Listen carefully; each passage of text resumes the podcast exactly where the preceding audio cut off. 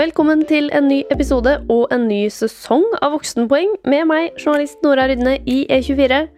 I de neste episodene så skal vi ta for oss boligsalg. Hva må du vite for å få solgt boligen din på best mulig vis for mest mulig penger? Og hvordan gjør du prosessen mest mulig smertefri? I slutten av episoden så får du også noen tips og triks om boligannonser fra noen som ser på hundrevis, om ikke tusenvis av dem i løpet av et år. Eiendomssjefen i finn.no.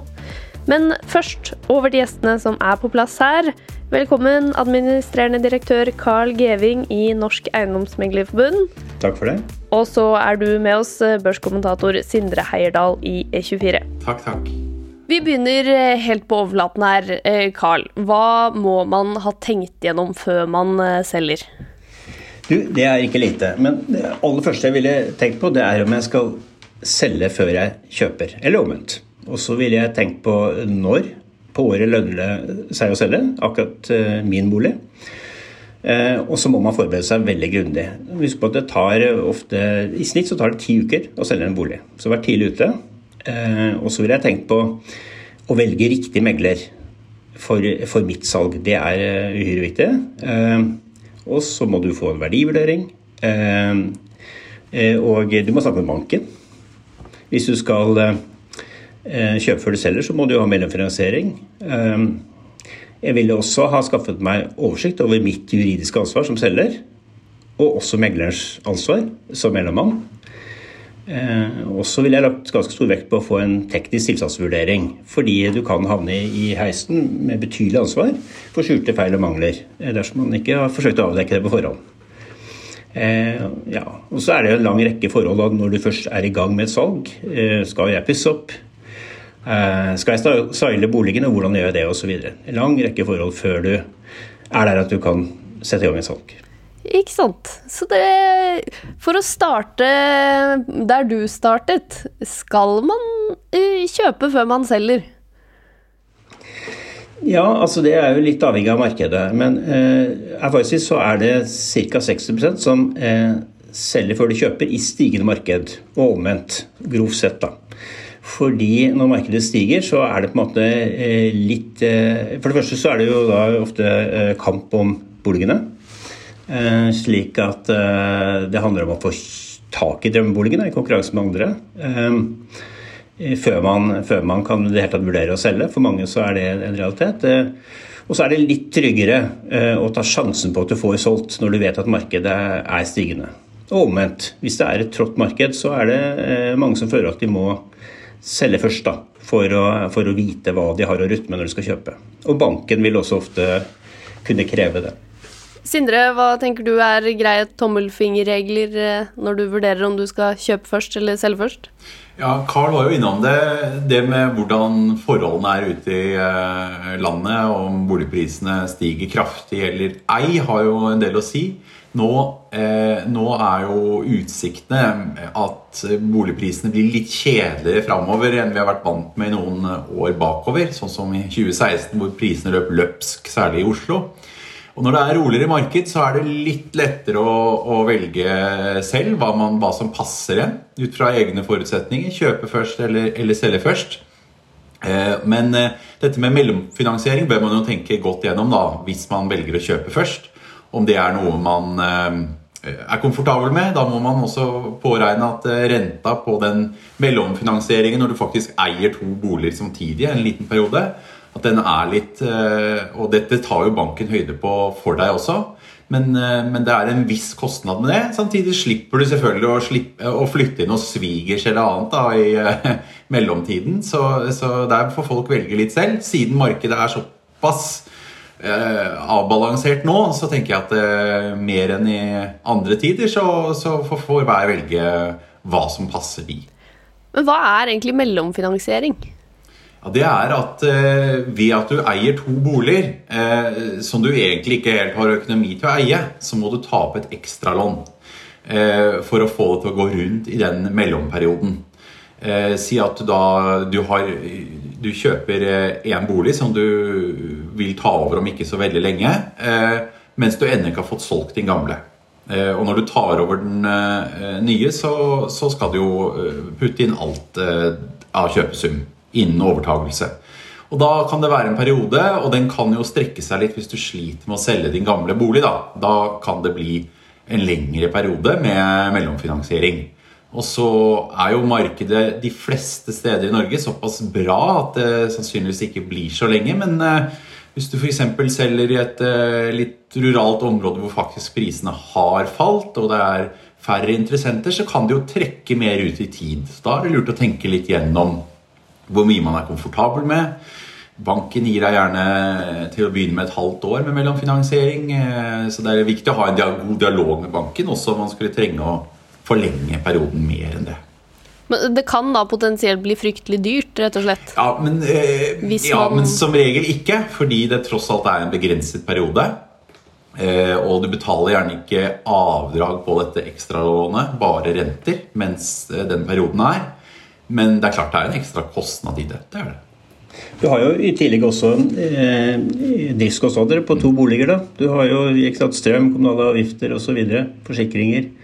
Og så kan det jo, som, eh, som Sindre er inne på, bli veldig dyrt da. Eh, den dagen mellomfinansieringsperioden er utløpt og du må betale avdrag og gjerne for enda høyere rente. Så dette skal eh, forberedes og gjennomtenkes godt. Og man bør helst ha, ha i hvert fall tolv måneder på, på mellomfinansieringen. Og, og bankene gir veldig forskjellige vilkår. Så noen gir samme, samme rente på begge lånene, andre eh, tar betydelig høyere rente. Og det er også en annen ting at det kan være litt vanskeligere å finne ut av renten på denne mellomfinansieringen.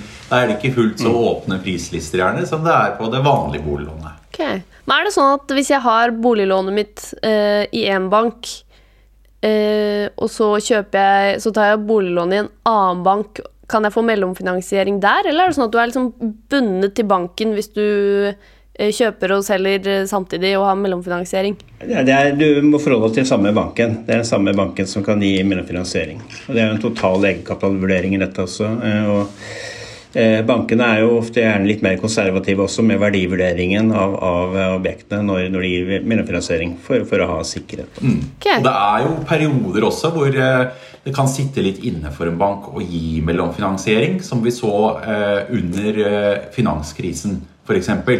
Eh, og så kan det sitte litt mer inne for en bank med lang mellomfinansiering hvis du selger da et område som er ganske lite hett. Sånn at eh, det er veldig viktig å ha en dialog med din egen bank eller en annen bank da, om du ønsker å flytte hele greia dit eh, i god tid før du driver og, og kaster deg ut i markedet. Ok, Enda en ting man må sjekke, altså. Men eh, du nevnte jo det, Carl, at man burde sjekke litt også markedet for den boligen man selger. Hvordan, hvordan, gjør man egentlig det? Jeg vet jo at man kan søke opp liksom hvordan går boligmarkedet generelt og i det området man bor i. Men for boligtype La oss si at jeg skal selge en skikkelig rønne midt i Oslo, da. Eh, I en spesifikk bydel. Hvordan sjekker jeg hvordan markedet for rønner er i mitt nabolag? Ja, nå er vi jo i og for seg Norge fordi vi har, eh, har eh, nesten eh, alt på én markedsplass, altså Finn.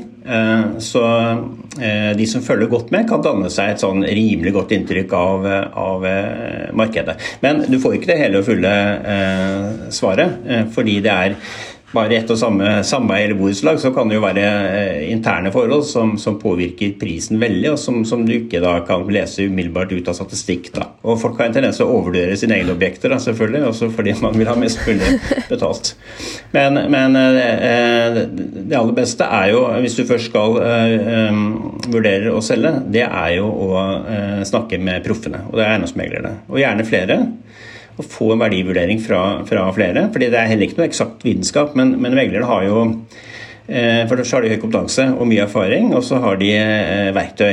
Eh, og de tar jo, I dag så bruker man såkalt e-takst, som er et utgangspunkt for, også for bankenes verdivurdering, hvor man, som baserer seg i stor grad på statistikk. Mens megleren legger da inn sine vurderingsbarometere, og ut så kommer det da en, en verdivurdering.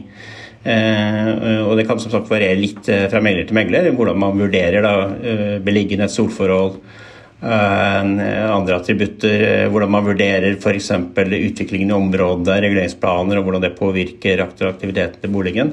Men alt i alt, altså, hvis du snakker med, med to, tre, fire meglere og får en verdivurdering, så, så, så danner du deg et, et grundigere bilde da, av hva du kanskje kan forvente. Ok, Og det kan du få av flere meglere før du liksom bestemmer deg for en av dem?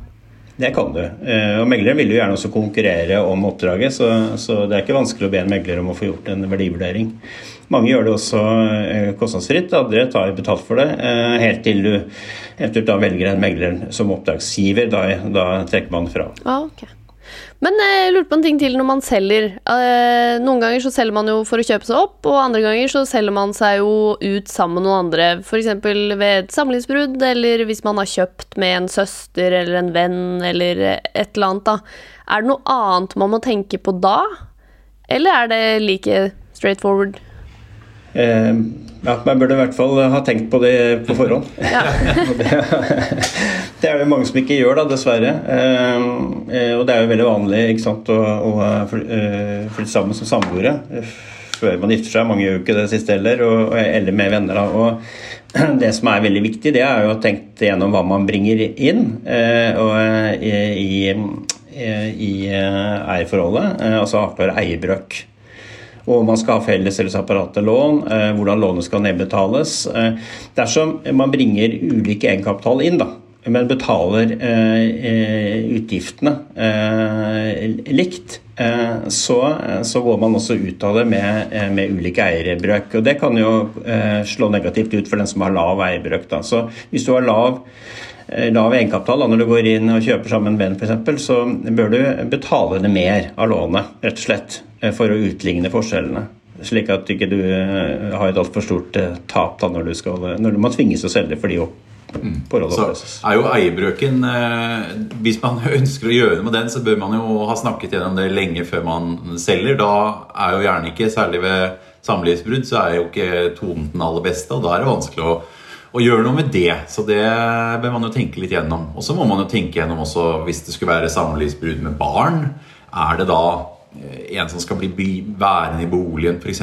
til barna flytter ut. Eh, eller er det en som skal kjøpe ut den andre som man ikke skal selge? Eh, og da må man hente inn litt ulike verdivurderinger kanskje på et tidspunkt. Og så er det jo noen som bryter forholdet like etter å ha kjøpt et sted. Jeg kjenner flere som har vært i den situasjonen. Og Da må man begynne å tenke på også dette med gevinstskatt. For har man bodd mindre enn tolv måneder et sted og selger, så må man i utgangspunktet skatte da, kapitalinntekt. Eh, det blir 22 det da i år. Eh, ved å selge hvis boligen har steget eh, i verdi, vel å merke. Og da burde man, hvis man klarer, vente med å selge til det har i hvert fall gått tolv måneder. Ja, det kan jo bli trivelig. ja, ikke sant? Da bør kanskje den ene finne seg et annet sted imellom. Ok, ja, Så litt av hvert å tenke på der, ja. Men også hvis man skal selge Hvis man skal selge boligen, da, og to skal kjøpe nytt, så må du da sjekke med banken, vet da hva, en, hva brøken er, hvem som får hva ved et salg. Absolutt. Det vil du nok lett finne i nettbanken selv, ellers er det bare å ta en kjapp telefon. Så. Og ofte så har man jo skrevet dette på forhånd i en eh, kontrakt av et eller annet eh, slag også. Så er vi jo da over på eh, eh, megler og hva man skal gjøre selv og ikke. For nå eh, har det jo en stund vært et tilbud der man kan selge helt selv, ved sånne selskaper som f.eks. Eh, Propper. Og så kommer det også noen nye tilbud fra bankene som har kastet seg litt på. Og DNB har akkurat fått et nytt tilbud som gir deg noen muligheter til å gjøre mer selv. Hvordan vurderer man eh, de tjenestene her? Carl, ja, meg, da, Carl varmer opp til å slakte de tjenestene, selvfølgelig. Nei, men jeg vil si eh, Jeg vil jo anbefale de aller fleste å uh, bruke megler. Fordi at uh, du har et stort juridisk ansvar når du selger bolig. Og megler har en utvidet undersøkelses- og opplysningsplikt, som det heter, etter eiendomsmeglerloven. Eh, og megler har også en rådgivningsplikt og skal sørge for at transaksjonen eh, skjer trygt mellom de to partene, selger og kjøper. Så, så, det er verdt å betale eh, for å redusere risikoen ved den største handelen de fleste av oss gjør. Og så er det sånn at salg og markedsføring er et fag. Og erfaringen vår er at det lønner seg å bruke en profesjonell for å få best mulig pris. Ehm, ehm, og ehm, I tillegg så er det sånn at du sparer mye tid da, hvis du bruker en profesjonell til å, til å forberede og gjennomføre eh, salget. Og så er det også sånn at mange kjøpere vil jo føle seg tryggere når de møter en profesjonell, enn når de må forholde seg direkte til selger. Så er det også sånn at pris og kvalitet henger sammen. Og det har kommet en del hybridløsninger på markedet som gjør at du kan gjøre mer selv. Og det er jo en vurderingssak da, om man skal stå på visning selv. Noen anbefaler jo ikke det, fordi, fordi, kjøpere vil gjerne foretrekke å forholde seg til en eh, objektiv person. Eh, men det er jo smak og behag. Noen syns det er hyggelig å møte selgeren også. Eh, men hybridløsningene betyr at du betaler megleren for å gjøre en mindre innsats for det, rett og slett. Da. Du får litt mindre rådgivning også. Du får de rådene du skal ha etter loven, men, men heller ikke mer, da. Så Når det gjelder selge selv, så, så vil jeg si at de som vurderer å gjøre det, de bør være klar over risikoen med det. Den juridiske risikoen er betydelig høyere. Eh, og den økonomiske risikoen er jo der også. Du, altså, som jeg sa, salg og markedsføring er et fag. Eh, de økonomiske forhandlingene ville jeg i hvert fall overlatt til en, en profesjonell.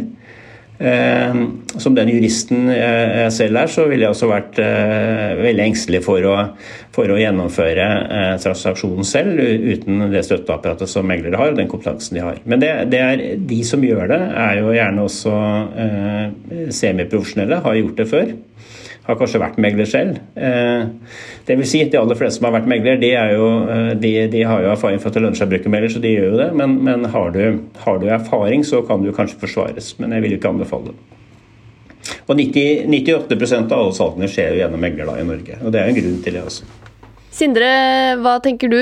Eh, som tross alt ikke skal forsvare jobben din her.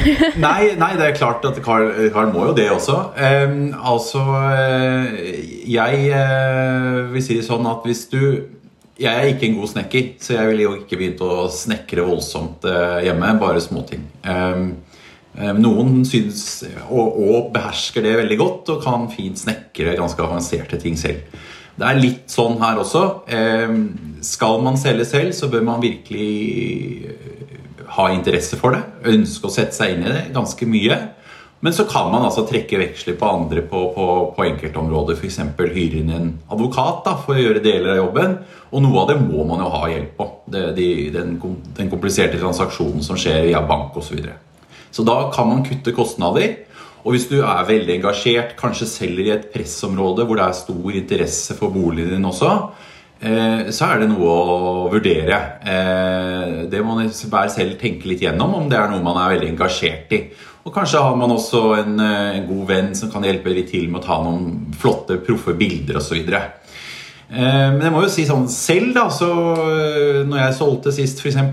Altså, mens jeg studerte, så var jeg meglerassistent noen ganger på noen eh, leiligheter og viste folk rundt. og Pappa er advokat, så det var mye som lå til rette for at jeg kunne funnet på noe sånt. Men eh, for meg så var det som gjorde at jeg tok megler, først og fremst det at jeg var litt usikker på Ville en del kjøpere bli litt skremt av at det ikke var en eiendomsmegler som sto bak, garanterte for det.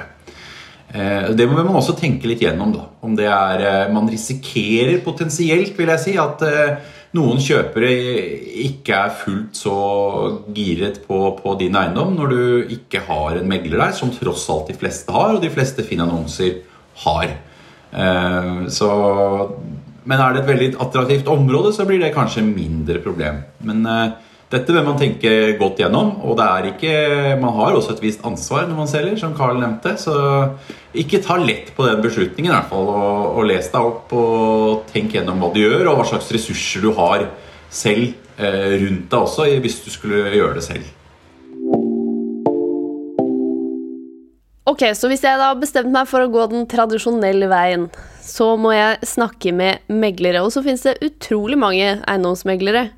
Uh, hvordan skal man vite hvem som er gode? Og hva, hva, er det man burde se etter i en megler, sånn utover at de er gode? Mm. Eh, du skal ikke bare se på eh, pris på tjenestene. Eh, kvalitet er, er, aller viktigst. Eh, eh, og du bør invitere flere til å gi tilbud, men så er det jo på en måte hvordan skal du finne fram til de du skal invitere. Eh, og det du bør prøve å finne ut av, det er hva slags erfaring eh, de meglerne du vurderer, har eh, i den type marked med den type objekter som du skal selge. Og det kan være stor forskjell både på boligtype og innenfor en by, altså ulike byområder. Og da er lokalkunnskap viktig. Det kan ikke undervurderes. Det at man faktisk vet hvilken verdi en gitt leilighet har i et sameie da, med la oss si 50 leiligheter. Men med ulik beliggenhet, ulik attraktivitet. Og så bør du prøve å finne ut om megleren har tid til deg. Eller om det er en megler som er overarbeidet og har altfor mye og egentlig stort sett bare bruker fullmektiger på å gjennomføre jobben. Det kan være at du kan komme langt ved, med, med, å prøve å utdeske omdømmet til megleren gjennom ditt eget nettverk. Du kjenner gjerne noen mennesker som har kjøpt og solgt i området fra før. Det kan være naboer eller, eller venner som kan dele sin opplevelse og erfaring med deg. Og så vil jeg slå et slag for MNF, som er akronymet for medlem av Norges Eiendomsmeglerforbund. Vi stiller strengere krav til kvalitet og, og, og meglerskikk enn en det som, som, gjelder for øvrig. Så, så, da skal du også ha en større, større trygghet for at du møter en skikkelig og dyktig kvalifisert megler. Men hvordan vet man at megleren ikke er overarbeida? ja. Sindre? Må du se på posen under øynene? Tell poser først, ja. Nei, altså det er, det er klart Det er jo mulig å se litt på ditt eget område òg. Er det noen som har veldig mange visningsoppdrag? Hvem er det som står oppført som visningsansvarlig på boligen, da? Er det en meglerassistent eller megleren selv? selges det mye, men det er jo klart også når du tar kontakt med en megler. Og det er jo veldig fint, og, som Carl var inne på, i området ditt ta kontakt med en to, tre, fire meglere og kom, be dem komme, med, komme, på besøk på befaring og komme med et pristilbud. Og det er klart Hvis du får rask kontakt, og de kommer raskt og, og virker eh, lette å få tak i på telefon, så er det jo et godt tegn da, på at de ikke har altfor stor eh, oppdragsmengde. Og så vil jeg gjerne slå et slag for eh, altså Skal du selge en bolig, så har du kjøpt den eh, på et tidspunkt. Og når du kjøpte den, så hvis du gjorde en god jobb som kjøper, så satte du deg inn i et område. Og du gikk på flere visninger før du hogg til på den du vant. Og da har du vært borte en del eiendomsmeglere som forhåpentlig fortsatt jobber i området. Tenk litt gjennom eh, hvem du møtte den gang, og hvem som eh, overbeviste deg og engasjerte deg. Eh, og hvis det var en som hadde et vinnende vesen, og du føler kan hjelpe deg å, å, oppnå en god pris, så kan det være et godt tegn. Eh, man kan, fordi Jeg tenkte nå, man kan jo spørre, for man vil jo ha en megler som har eh, en del oppdrag, men ikke for mange. Eh, det er jo en sånn sweet spot. Og så tenkte jeg på at man kan jo bare spørre megleren har du tid, men så kom jeg på at meglere er vel sånn jevnt over verdens største tidsoptimister. Eh, alltid tilgjengelige, alltid på jobb. Eh, tenker at det klarer de. eh, så du, hvilke spørsmål kunne jeg stilt deg, Carl, hvis jeg lurte på om du hadde tid, der du faktisk ærlig hadde svart på om du hadde nok tid? Jeg ville spurt, eh, Hvis du eh, var eh, megler, da, og jeg vurderte å hyre deg, så ville jeg spurt deg Holder du visninger selv? Vil du vise boligen min? Eh, er du tilgjengelig når jeg trenger deg? Når kan jeg ringe deg på døgnet? Eh, altså Rett og slett bare få et inntrykk av om vedkommende vil bruke tid på det, eller eh, primært sette det bort til andre. Men den takseringen, da. Nå har vi vært inne på at meglerne bruker en sånn e-taksering, men så skal du også få en teknisk analyse og en offisiell taksering, vel? Hvordan funker det? Da har man allerede megler, eller? Ja, altså... Eh, det er jo flere elementer i dette, her, men megler setter jo en markedsverdi. Eh, og så har du takstmann som gjør en teknisk analyse og setter en teknisk eh, verdi. Dette har jo historisk vært litt omdiskutert, men, men faktum er jo at megler tar utgangspunkt i ETAX, som også er det dokumentet som banken legger, legger vekt på. Men tilpasser verdivurderingen ved å legge inn sine vurderinger på et gitt det er en lang rekke eh, parametere du skal, skal vurdere. Altså, ikke altså størrelse, beliggenhet, sol, utsikt, standard, vedlikeholdsbehov, intern beliggenhet, uteareal, ja, reguleringsplaner. Det er veldig mange forhold som, som spiller inn i verdivurderingen som megler gjør. Og så er det prisantydning, som er da den som ikke er nødvendigvis er det samme som, som verdivurdering. For det er den prisen som selger er villig til å selge for. Lokkepris er jo forbudt. Det vil si Du skal gå ut med en pris som selger er villig til å selge for på markedsføringstidspunktet. Men den, den vurderingen skal jo også være megler som kunne stå inne for. Megler skal ikke gå ut med en helt urealistisk høy pris eller en helt urealistisk lav pris. Så skal i hvert fall jobbe for å få eh, selgeren til å forstå det, hva som er eh, realistisk. Så, så markedsverdivurdering eh, er viktig. Eh, altså man har gode tekniske hjelpemidler som også er med å dokumentere meglers vurderinger, slik at man skal unngå at enkeltmeglere forsøker å jukse. Men, men eh, alt i alt så er det, det er veldig skjønnsbasert, altså. Og særlig et marked som nå, i Oslo-markedet f.eks., hvor, hvor prisene har steget veldig mye. Og, og raskt ikke bare Oslo, men også mange av byene rundt Oslo. Så er det, er det, er det jo dette vanskelig å treffe helt på. Så er det teknisk analysen. Eh, Takstmann har en veldig viktig rolle, og den rollen blir viktigere. Når vi etter hvert nå får, får eh, Nå har vi fått endringer i avgiftsloven, og så skal vi få forskrifter som stiller krav til innholdet i tilstandsrapporter og kompetansen til takstmenn.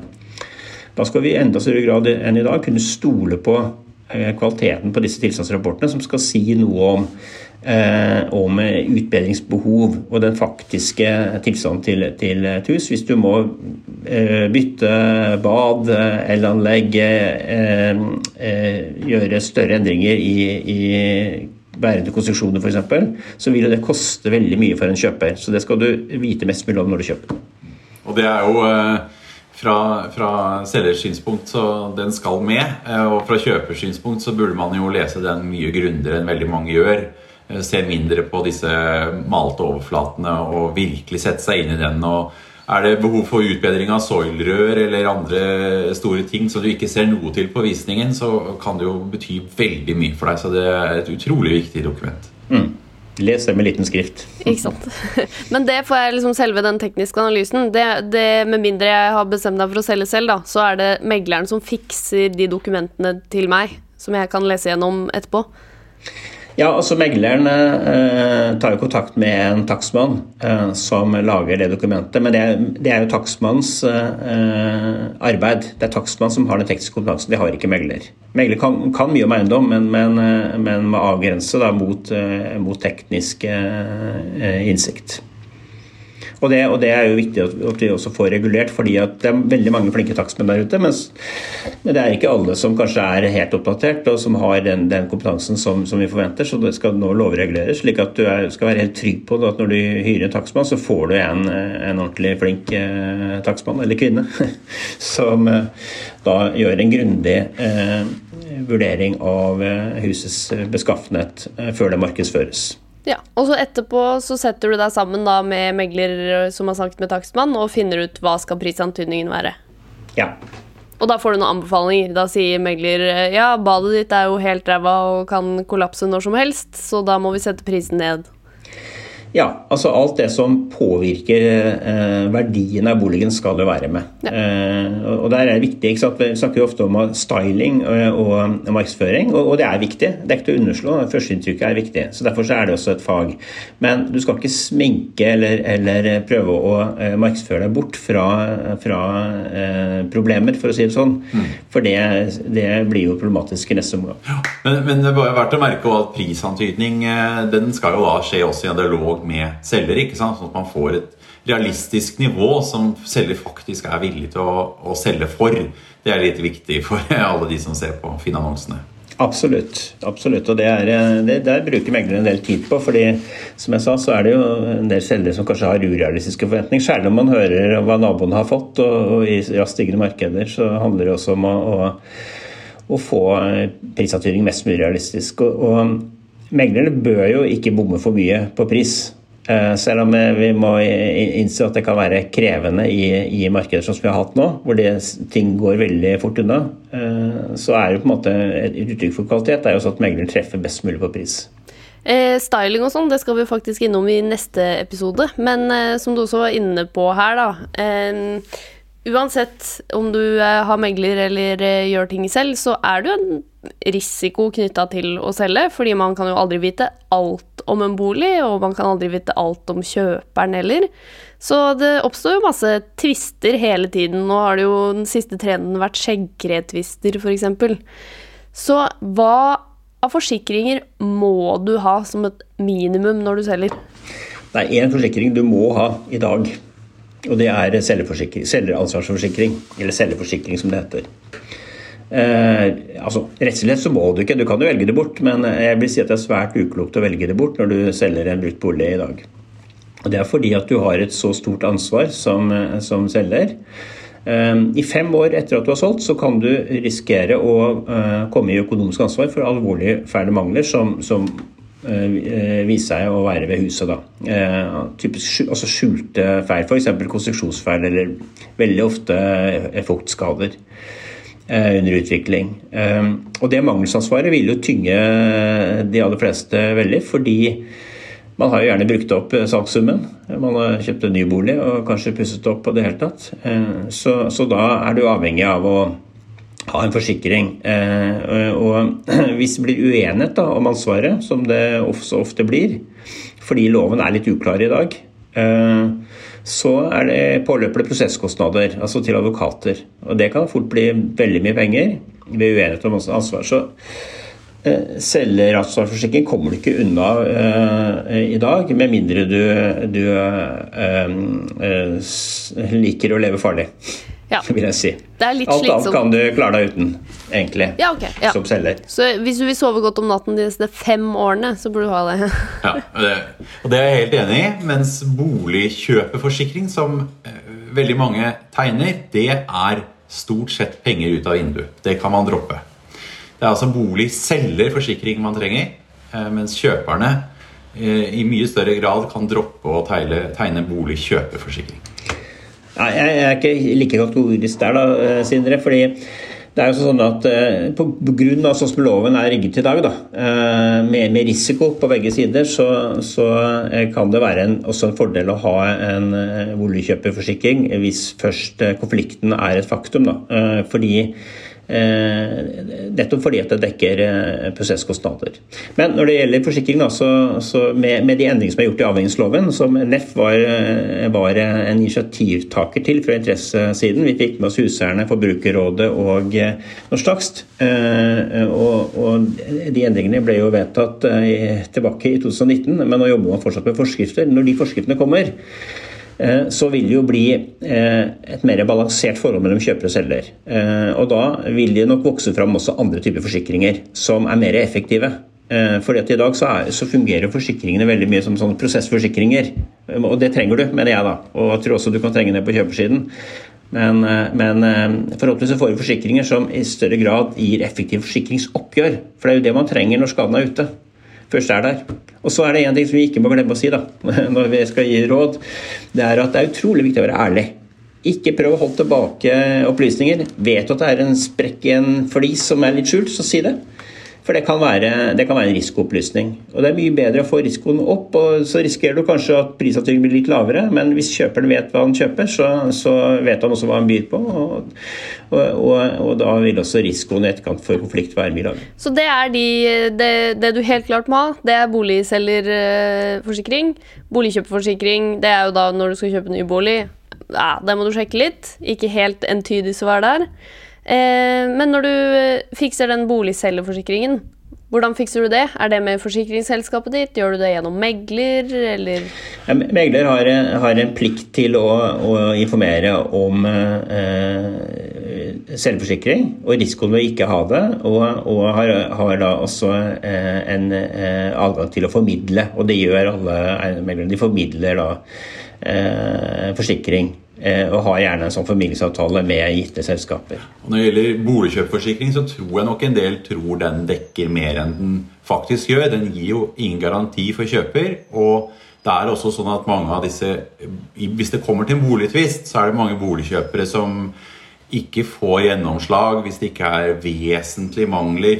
Eh, og det er ikke sånn at du får forfulgt kravet ditt bare fordi du har en boligkjøperforsikring heller. Eh, Forbrukerrådet også anbefaler jo sånn ganske konsekvent, eller helt konsekvent, at man kan droppe den i de fleste tilfeller. Eh, men se litt, se litt på, på, sammenheng med hva andre ting du har. Du kan f.eks. ha en innboforsikring som også dekker noen ganger eh, behovet for juridisk hjelp. Så se det litt opp mot det også. Nå skal vi straks høre litt fra finn.no her. Tusen takk for at eh, dere var med i dag. Carl Geving, administrerende direktør i Norsk Eiendomsmeglerforbund. Veldig hyggelig. Og tusen takk til deg, Sindre Herdal, børskommentator hos oss i E24. Veldig hyggelig.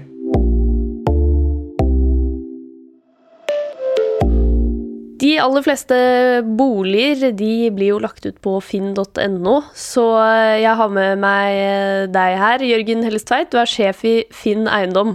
Kan ikke du dele litt eh, tall fra deres sider? Takk for at jeg fikk være med, Nora. Eh, I Finn så har vi 3,1 millioner nordmenn som, som ser på boligannonser hvert år. Det er jo ganske store tall, og, er, eh, og de bruker i snitt 7,5 timer hver seg det året. Så en arbeidsdag Oi. i året går det på å se på boligannonser i Norge. Så det har jo veldig stor interesse for folk. Det er drøye 100 000 eh, nye boliger som blir lagt ut hvert år. Og de blir lagt ut jevnt utover året, men eh, spesielt sånn rett før og etter sommerferien, da er det spesielt mange som blir lagt ut i markedet. Ja, så det er dette famøse vårslippet, og så høstslippet. Det er sant. Og så er det nok også en del som tenker at, eh, at det er en del, del, boliger i markedet også i fellesferien, eh, og, og, at man da også kan gjøre, gjøre smarte boligkjøp eh, når resten er på, på, stranda. Men du ser jo da altså voldsomt mange boligannonser på et år. Hva, hva er det som liksom kjennetegner en skikkelig god annonse? Ja, veldig godt spørsmål. Eh, det vi ser er at De mest populære annonsene på Finn eh, det er jo typisk eh, de annonsene og boligene som vi ikke har råd til. Og Det er disse veldig dyre og flotte og fancy boligene. Den som har hatt flest visninger hittil i år, det er jo en enebolig i Vestfold til over 60 millioner kroner. Oi. Og, og, den har 170 000 visninger. Eh, og det er nok ikke 170 000 der som har tenkt at de kan kjøpe den, men de, de, de syns det er veldig moro å se. Vi har jo også et, et søkeord som, som, hvert år går igjen som liksom det mest brukte søkeordet på Finn eiendom. Vil du Nora, tippe hva det kan være? For Jeg lurer faktisk på om jeg vet det. Er det, er det småbruk? Det er helt riktig. Yes! Og nordmenn vil gjerne, gjerne, se på småbruk, men det er ikke like mange som kjøper det. Så det er veldig morsomt å se. Drømme seg bort. Fra hjemmekontor. Ja, det skjønner jeg faktisk veldig godt at folk driver med nå. Vi ser det at eh, De som har lagt litt ekstra innsats i annonsen og hatt eh, spesielt gode bilder, gjerne liksom jobba godt med den storyen, de får flere treff enn andre. Og det er sånn, eh, Bildet er kjempeviktig på Finn. Det er der, der folk bruker mest eh, tid. Eh, og da er det som gode, litt spennende bilder i kombinasjon med en god bildetekst. og få folk til å skjønne hva dette dreier seg om, og, og at folk kan liksom drømme seg inn, inn i dette som et, sitt neste hjem. da. Og så må du ikke ha en veldig, veldig dyr annonse for å få mange treff. Eh, en gjennomsnittsannonse på Finn har, har rundt 4000-5000 eh, visninger. Eh, og da kan du også tenke deg at liksom, nå skal du presentere et objekt som skal vises for fire til fem fullstappa Colosseum kino. Og har du det i bakhodet, så gjør du en god jobb når du skal liksom, legge den ut i markedet. Er det noe du ser da som er bare sånn skikkelig nei, nei, nei? Slutt med det. Ja, og vi er jo, vi er jo flere, flere, som samarbeider med, med meglerne og bolig, bolig, boligselgerne i Finn. Eh, og det vi gir et, et råd, det er at det ikke bruker sånne kollasjbilder som førstebilde. Fordi, fordi, man må huske at uh, oftest så er man i appen eller på små flater og, og mobil, og da er et typisk sånne kollasjbilder gjør seg dårlig i de formatene der. Så det er liksom å ha et tydelig førstebilde som samhandler med overskriften, som skaper oppmerksomhet, så folk ønsker å gå inn og se på den annonsen. Det er vel for oss det viktigste rådet å komme ut med. Tusen takk for eh, tips og triks, eh, Jørgen Hellestveit, altså boligsjef i finn.no. Mye bra info her om eh, alt du må ha på plass før du skal selge. I neste episode så skal vi jo gå litt dypere inn i ting vi har vært innom her. Det blir boligstyling og hva slags ting du kan fikse litt på da før du skal selge. Hvis du vil følge med på litt ekstra info om boligsalg og alle de andre temaene vi er innom, for så vidt, så må du gå og følge oss på Instagram. Der heter vi Voksenpoeng med Nora. Og produsent i dag, det var Sunniva Glessing.